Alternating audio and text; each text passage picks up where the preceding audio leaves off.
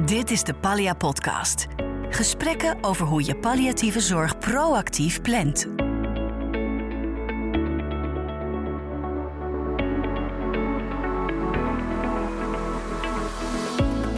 Welkom bij aflevering 2 van de Pallia Podcast, een podcast van PZNL.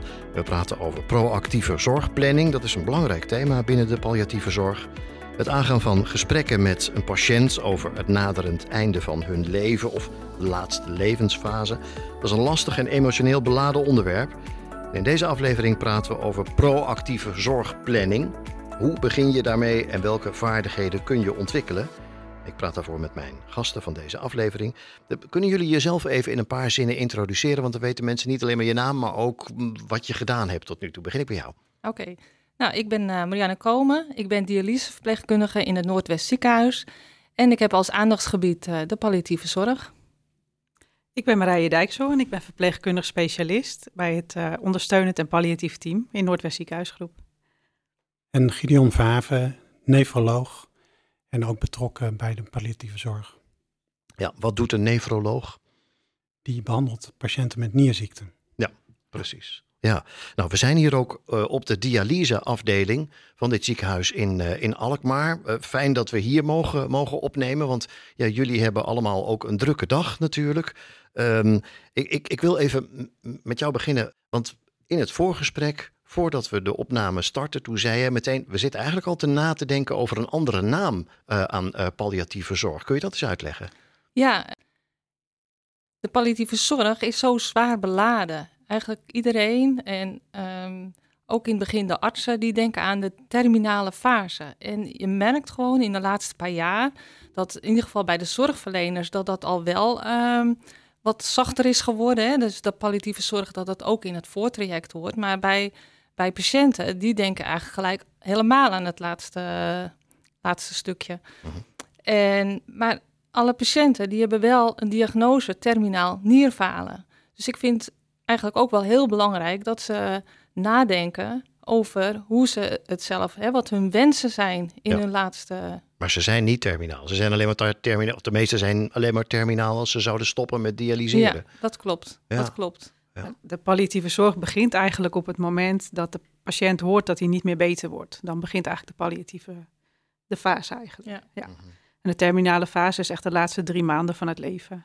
Ja, ja, ik snap het. Eh, en als een nefroloog eh, kom je dat vaak tegen. Eh, mensen aan wie je duidelijk moet maken van ja, nu wordt het dialyseren, want anders dan gaat het echt mis. Zeker, ja, dat is alledaags werk. En ehm, ja, de kunst is om mensen uit te leggen dat het dus een volgende stap is in hun behandeling.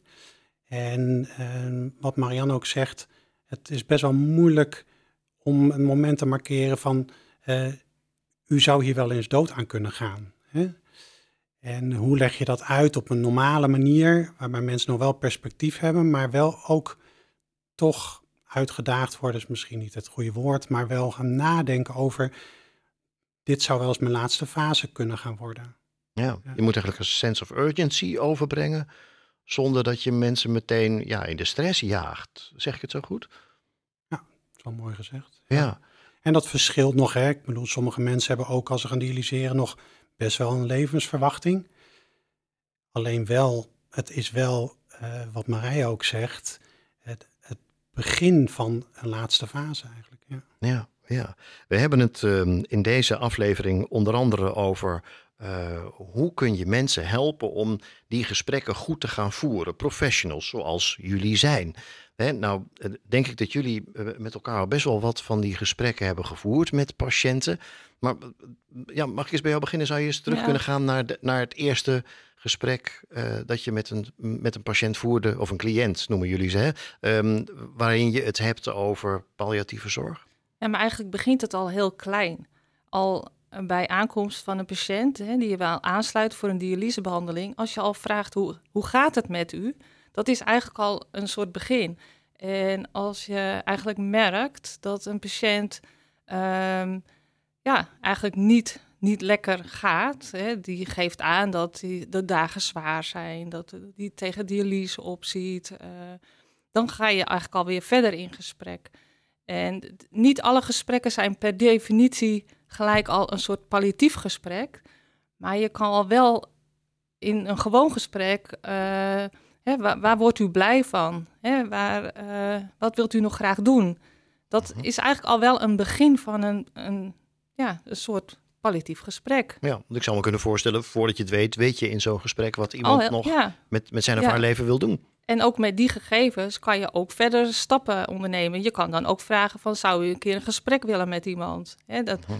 Hoeft niet gelijk het palliatief team, maar dat is, kan ook het maatschappelijk werk, die ook heel belangrijk is bij ons op de afdeling. Ja, ja. de Ik- eerste keer. Ja, ik, ik denk dat het eh, begint bij eh, als, als de patiënt moet gaan beslissen of hij een behandeling aangaat of niet.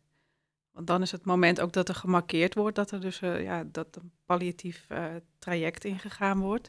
Ik denk dat dat het allereerste begin is. En ehm, dan hoef je natuurlijk niet meteen alles te bespreken, hè, alle wensen, alle grenzen.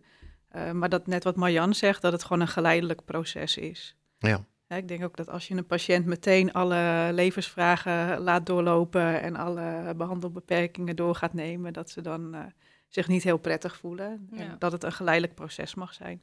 Het kan bijvoorbeeld ook zijn, bijvoorbeeld als een patiënt opgenomen ligt eh, tijdens de wasbeurt, dan zijn er vaak intensieve gesprekken tussen verpleegkundigen en patiënten. Waar bijvoorbeeld ook bepaalde uitspraken gedaan worden over eh, behandelwensen. Ja. En dat zijn dan hele kleine dingetjes eh, die dan ja wel echt heel belangrijk zijn. Ja. Ja. Ik stel me zo voor dat een nefroloog zijn tijd best wel afgemeten is. Ik bedoel, ja, ik denk dat je het heel druk hebt, dus klopt dat?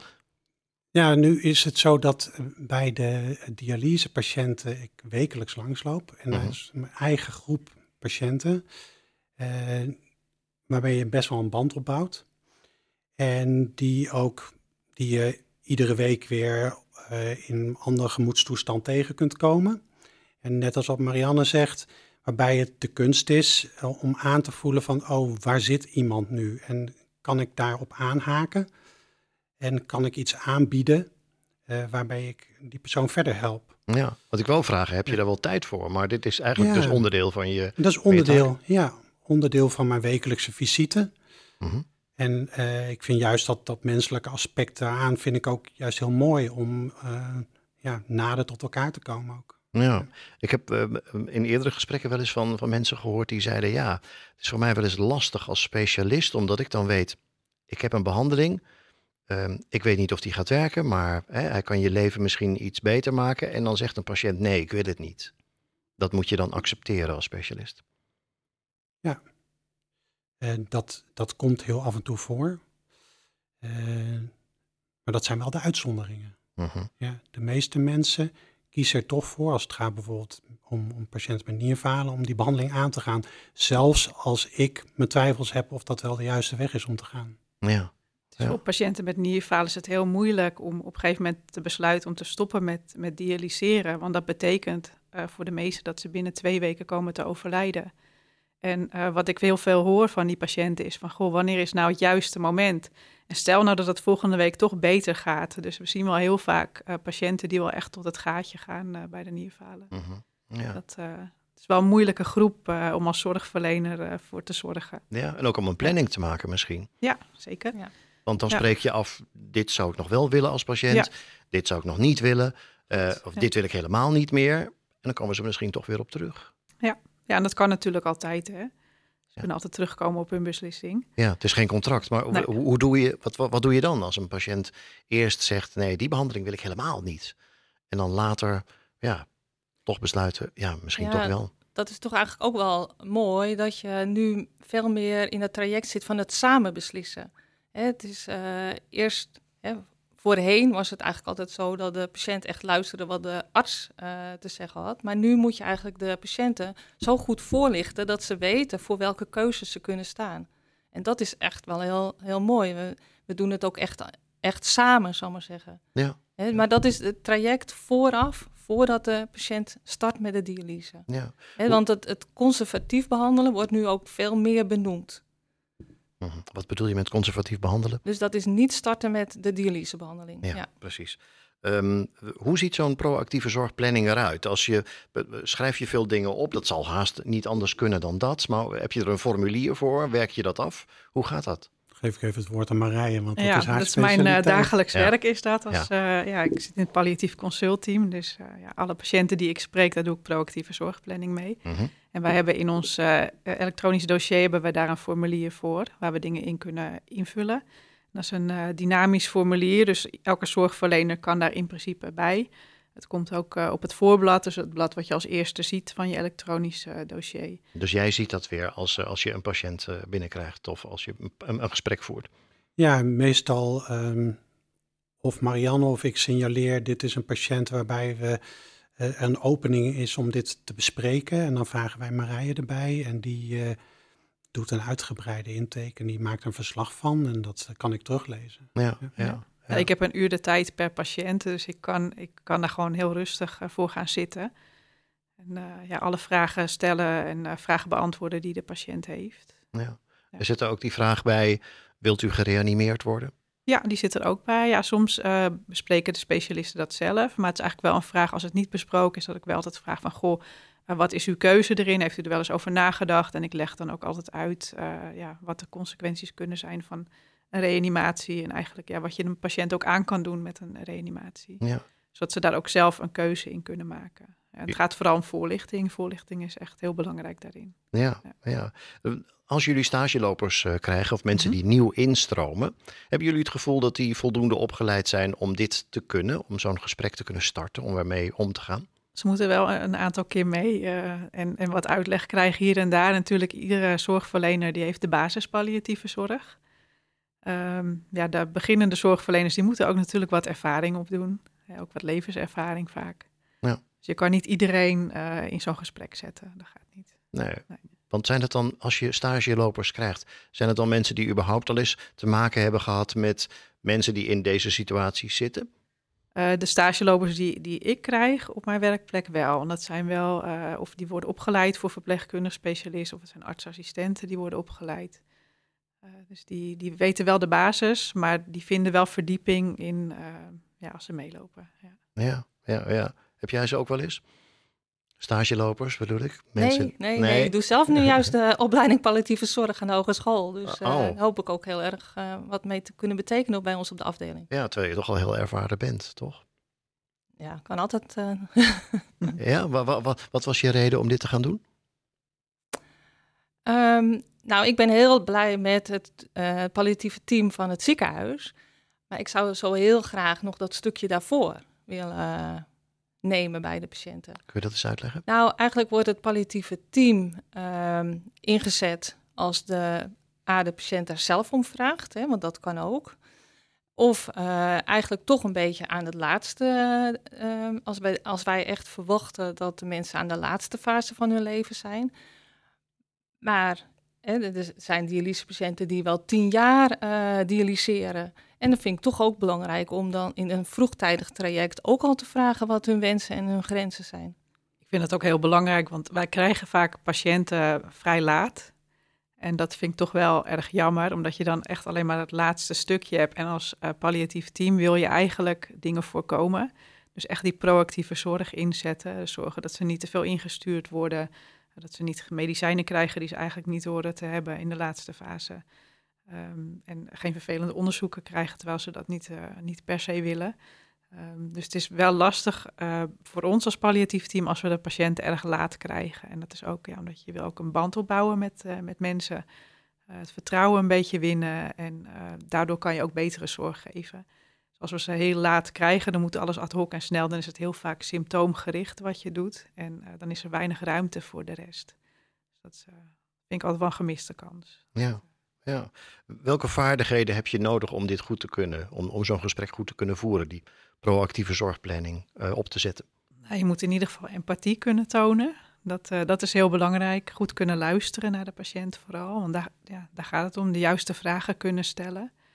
Eh, want het gaat uiteindelijk om wat de patiënt wil. Dus je moet ook proberen niet dingen in te gaan vullen voor de patiënt. Maar echt eh, zelf de keuzes laten maken. En dan kom je vaak tot een, eh, tot een goed zorgplan. Dus. Ja, ja. En wat, en wat jij zegt, eh, eh, ze wekelijks zien eigenlijk, hè? vaak met ze spreken. Misschien helpt dat ook al.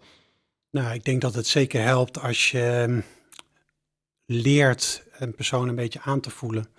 En dan ehm, voorkom je namelijk ook dat mensen eh, op slot gaan in die laatste fase. Want uh, als de laatste fase eenmaal aanbreekt, dan zijn mensen met één ding bezig, dat is overleven. En heel vaak sluiten ze zich dan af voor uh, iedereen om, om hen heen, omdat ze zo bezig zijn met te overleven. En daar hebben wij ons onlangs ook nog een, een mooi voorbeeld van gehad van een patiënt die zich eigenlijk ook afsloot. Um, maar omdat wij al best wel vroeg een zaadje hadden geplant bij hem uh, om ter sprake te brengen van wat als die laatste fase aanbreekt, hebben we hem aan de hand kunnen nemen en hebben we hem ook in gesprek met familie uh, duidelijk kunnen maken wat een alternatieve route zou kunnen zijn voor hem. Ja. Mhm. Dat was een patiënt ja. met een ontzettende overlevingsdrang, echt een ontzettende wil om te leven. Hij wou ook echt alles aanpakken wat, uh, ja, wat, er, wat er maar te doen was. Um, en daarbij was het heel belangrijk dat hij goed geïnformeerd werd over dingen, zodat hij toch wel besefte dat zijn keuzes misschien niet heel reëel waren. En daarbij speelde ook heel veel angst. Er was ook echt iemand die heel bang was voor de dood. Uh, en eigenlijk bijna geen kwaliteit van leven meer had. Maar het zelf niet zo goed kon zien, omdat hij angst voor de dood te veel opspeelde. En eigenlijk hebben we met elkaar hebben we hem uh, ja, door goede voorlichting en begeleiding uh, ja, toch wel zo ver gekregen dat hij, uh, ja, dat, hij, dat hij toch de palliatieve zorg een beetje toeliet. En uh, toch het gesprek, het gesprek aan kon gaan met zijn familie. En waardoor hij toch wel een mooi afscheid heb, heb kunnen nemen. Ja. En soms kan het in zulke kleine dingen zitten. Het advies aan die man om zijn kinderen een brief te schrijven, daar was hij zo enorm door opgelucht. Dat, ja. Daar heb je hem al mee geholpen met dat advies. Ja. Ja was iemand die niet goed kon praten met zijn familie en uh, die dat heel moeilijk vond. En Marjan had inderdaad uh, aangeraden om een brief te schrijven. dat heeft hem heel veel rust gegeven.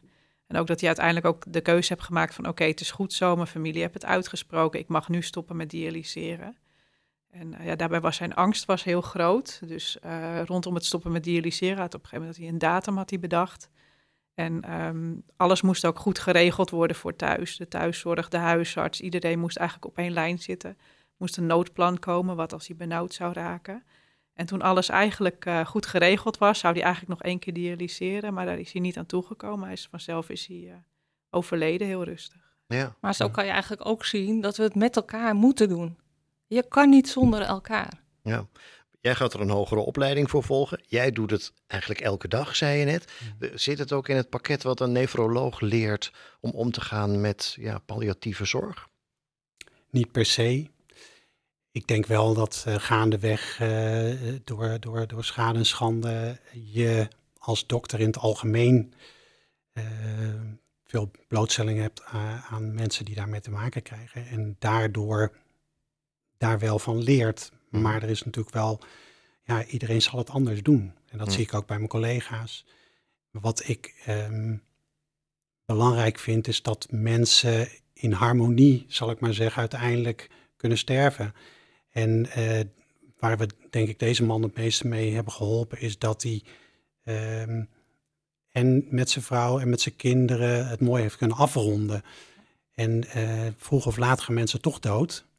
En, maar dan heb je liever dat ze niet strijdend ten onder gaan, zou ik maar zeggen. Zo noem ik het wel eens. Ja, er is natuurlijk wel een groep die wil dat per se. Er zijn mensen die willen strijden ten onder en die gaan echt uh, ja, door tot het echt niet meer kan. Maar dat hoort ook bij hun persoonlijkheid. En dat is eigenlijk de allermoeilijkste groep uh, voor zorgverleners. Want je ziet ze lijden, uh, maar het is wel iets wat ze zelf willen.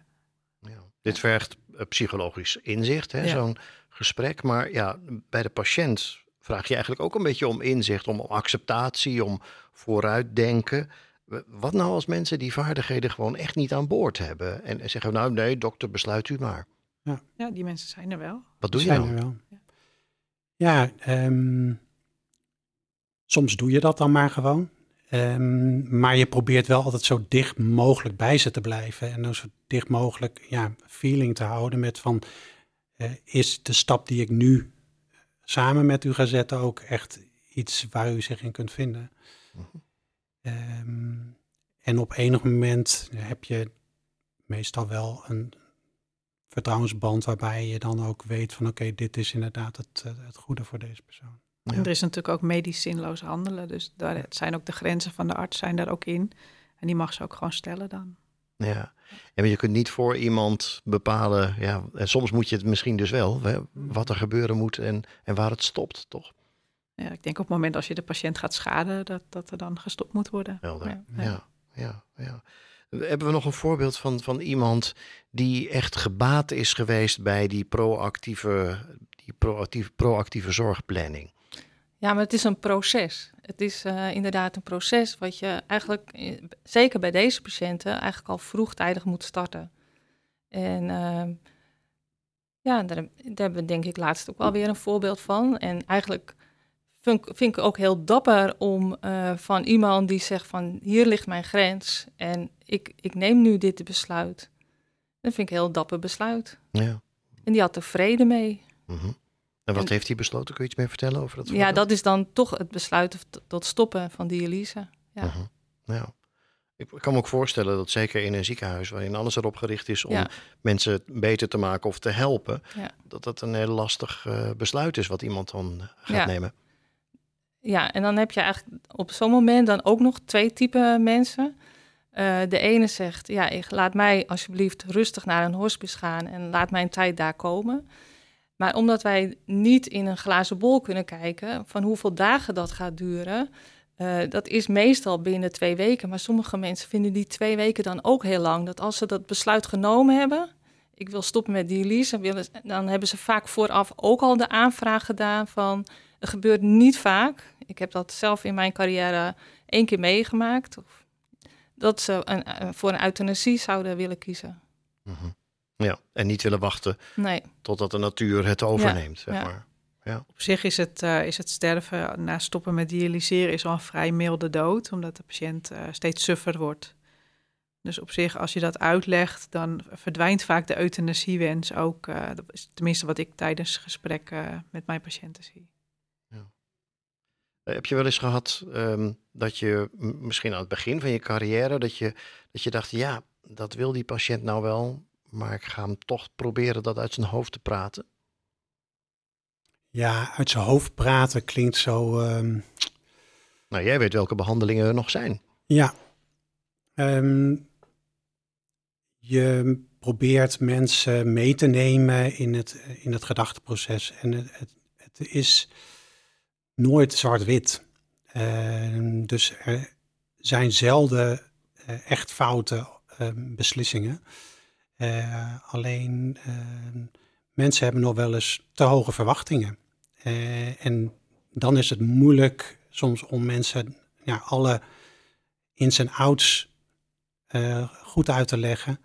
Eh, en, maar het komt inderdaad voor dat je zegt van nou, dit is echt iets wat we niet moeten gaan doen. Dus ik ga er ook niet in mee.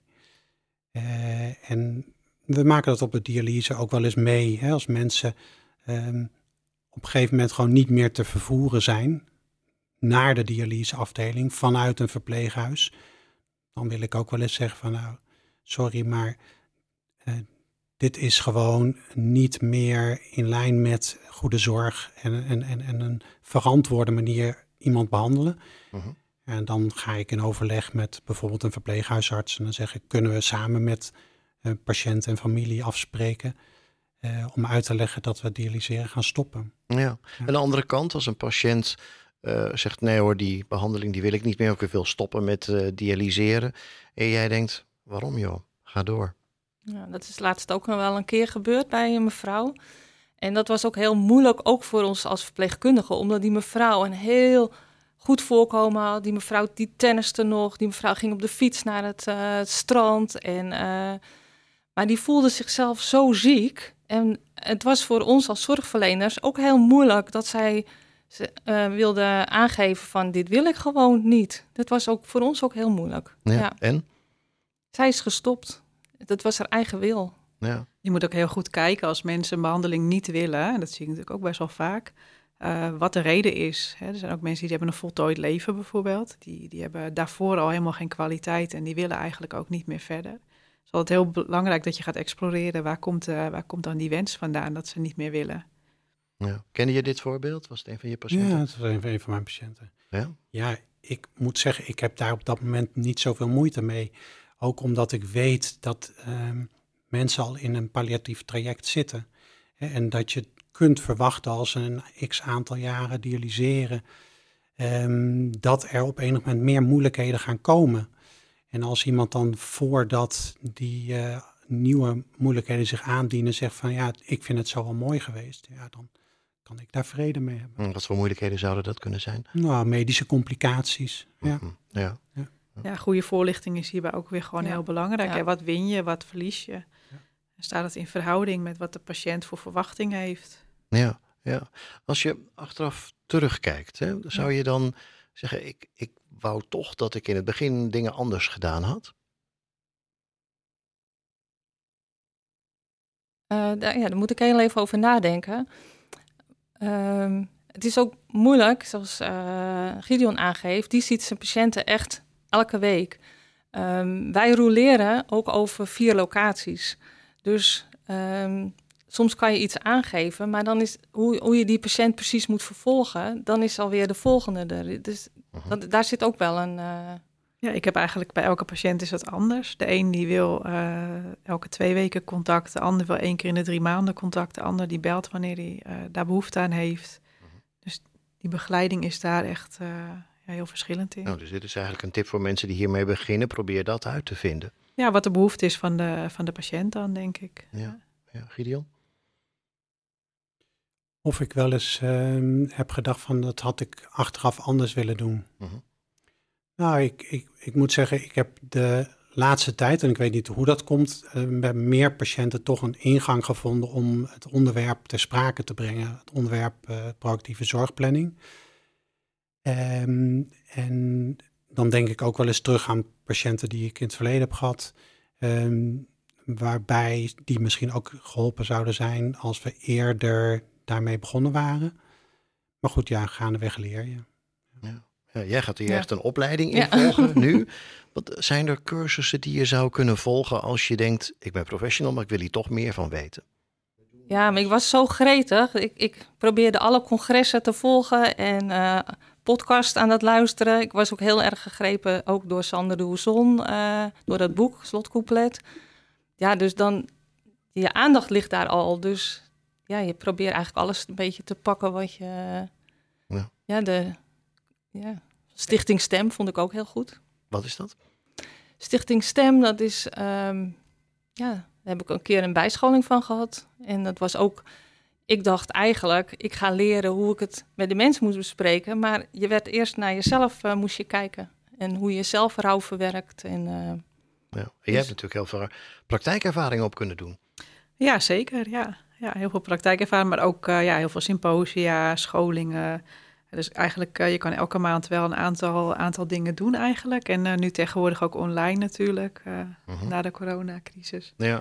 Dus ja. Ja, we hadden het eerder in dit gesprek over stagelopers, mensen die nieuw instromen. Maar kan dat Mhm. eigenlijk wel? Kun je die wel meenemen naar zo'n gesprek? Want je bouwt wel een Ja. vertrouwensband op met zo iemand. Ja, kijk, je vraagt natuurlijk altijd aan de patiënt en aan de... Want ik heb ook met familie te maken. Familie zit er eigenlijk ook altijd bij. Vraag je wel of het eh, gewenst is. Mhm. Ja, dus Ja. daar maak je wel afspraken over. En ja, iedere zorgverlener in het ziekenhuis heeft natuurlijk zijn beroepsgeheim.